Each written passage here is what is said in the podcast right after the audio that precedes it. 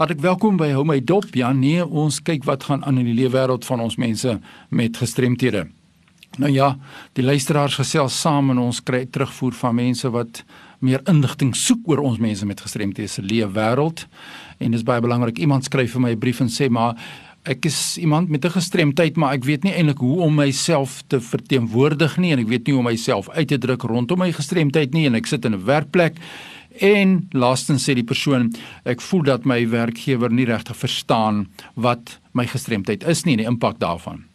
Nou dis baie belangrik as 'n mens kyk na die wetgewing praat van die terminologie vocational rehabilitation. Nou vocational rehabilitation is van kardinale belang in die lewe wat van ons mense met gestremthede veral wanneer ons in die werkplek besoek. Nou vocational rehabilitation sluit ook natuurlik in habilitation. Alles gaan om ons mense met gestremthede beter te integreer in die werkplek en ons 'n beter geleentheid te gee om te kan kompeteer op 'n gelyke basis met ander. Maar wat gebeur nou as 'n mens 'n mens met 'n gestremdheid, dis 'n ewe skielik as jy in die werkplek en jy jy kry 'n gestremdheid en wat is die eerste stap wat geneem word? Normaalweg gaan die persoon na 'n gesondheidsdeskundige toe, iemand wat op die veld van die betrokke gestremdheid kundigheid het, soos 'n spesialis.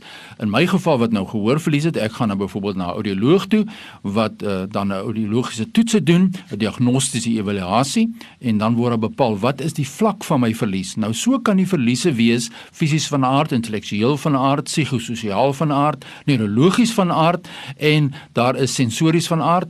Dis verskillende forme van verliese en verskillende forme van gestremdheid. Maar wat belangrik is in hierdie luisteraar se geval is om dan 'n funksionele verslag te kry van die betrokke spesialis. So in my geval kry ek dan 'n verslag van 'n audioloog wat dan uiteensit. Eerstens, wat is die diagnostiese evaluasie van die situasie met my? Wat is die kliniese analise daarvan?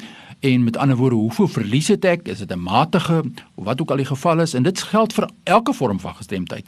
En dan wat is die funksionele impak? Tot watter mate gaan hierdie in Engels gebruik hulle die woord limitations inwerk dat jy dalk nie op 'n gelyke basis met iemand anders kan meeding in terme van om jou werk te kan doen nie. Kom ons neem 'n voorbeeld. Iemand het 'n fisiese verlies, 'n fisiese gestremdheid.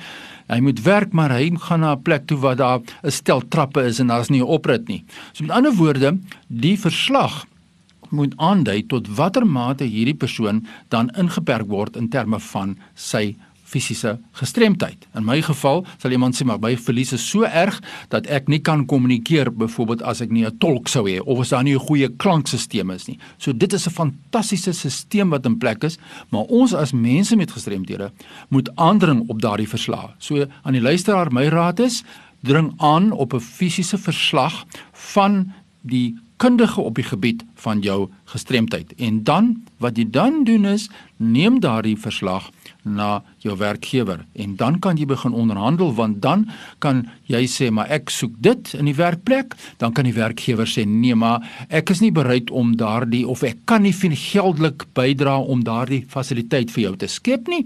En nou moet julle mekaar halfpad ontmoet. Wetgewing die wet op gelyke indiensneming van persone met gestremthede maak voorsiening dat mense met gestremthede kan onderhandel, maar dit gaan alles oor redelike onderhandeling. So, aan een kant die funksionele verslag en aan die tweede kant die redelike onderhandeling vir toegang op 'n gelyke basis met ander. Soos jy miskien iemand is met 'n verlies of iemand wat 'n gestremdheid reeds het, jy het miskien 'n besering op diens en jy's gestremd en jy voel jy kan nie behoorlik onderhandel met jou werkgewer nie kontak my, ek sal jou ondersteun. Ons by die Nasionale Raad van en vir persone met gestremthede sal vir jou die regte leiding gee om hierdie verslag, die funksionele verslag dan vir jou beskikbaar te laat kry of jy met die regte mense in verbinding kan bring totdat daar 'n behoorlike verslag opgestel kan word. So, my e-pos is fani.dt by mweb.co rsg.za. Stuur vir ons 'n e-pos, ons hoor graag. Of as jy miskien iemand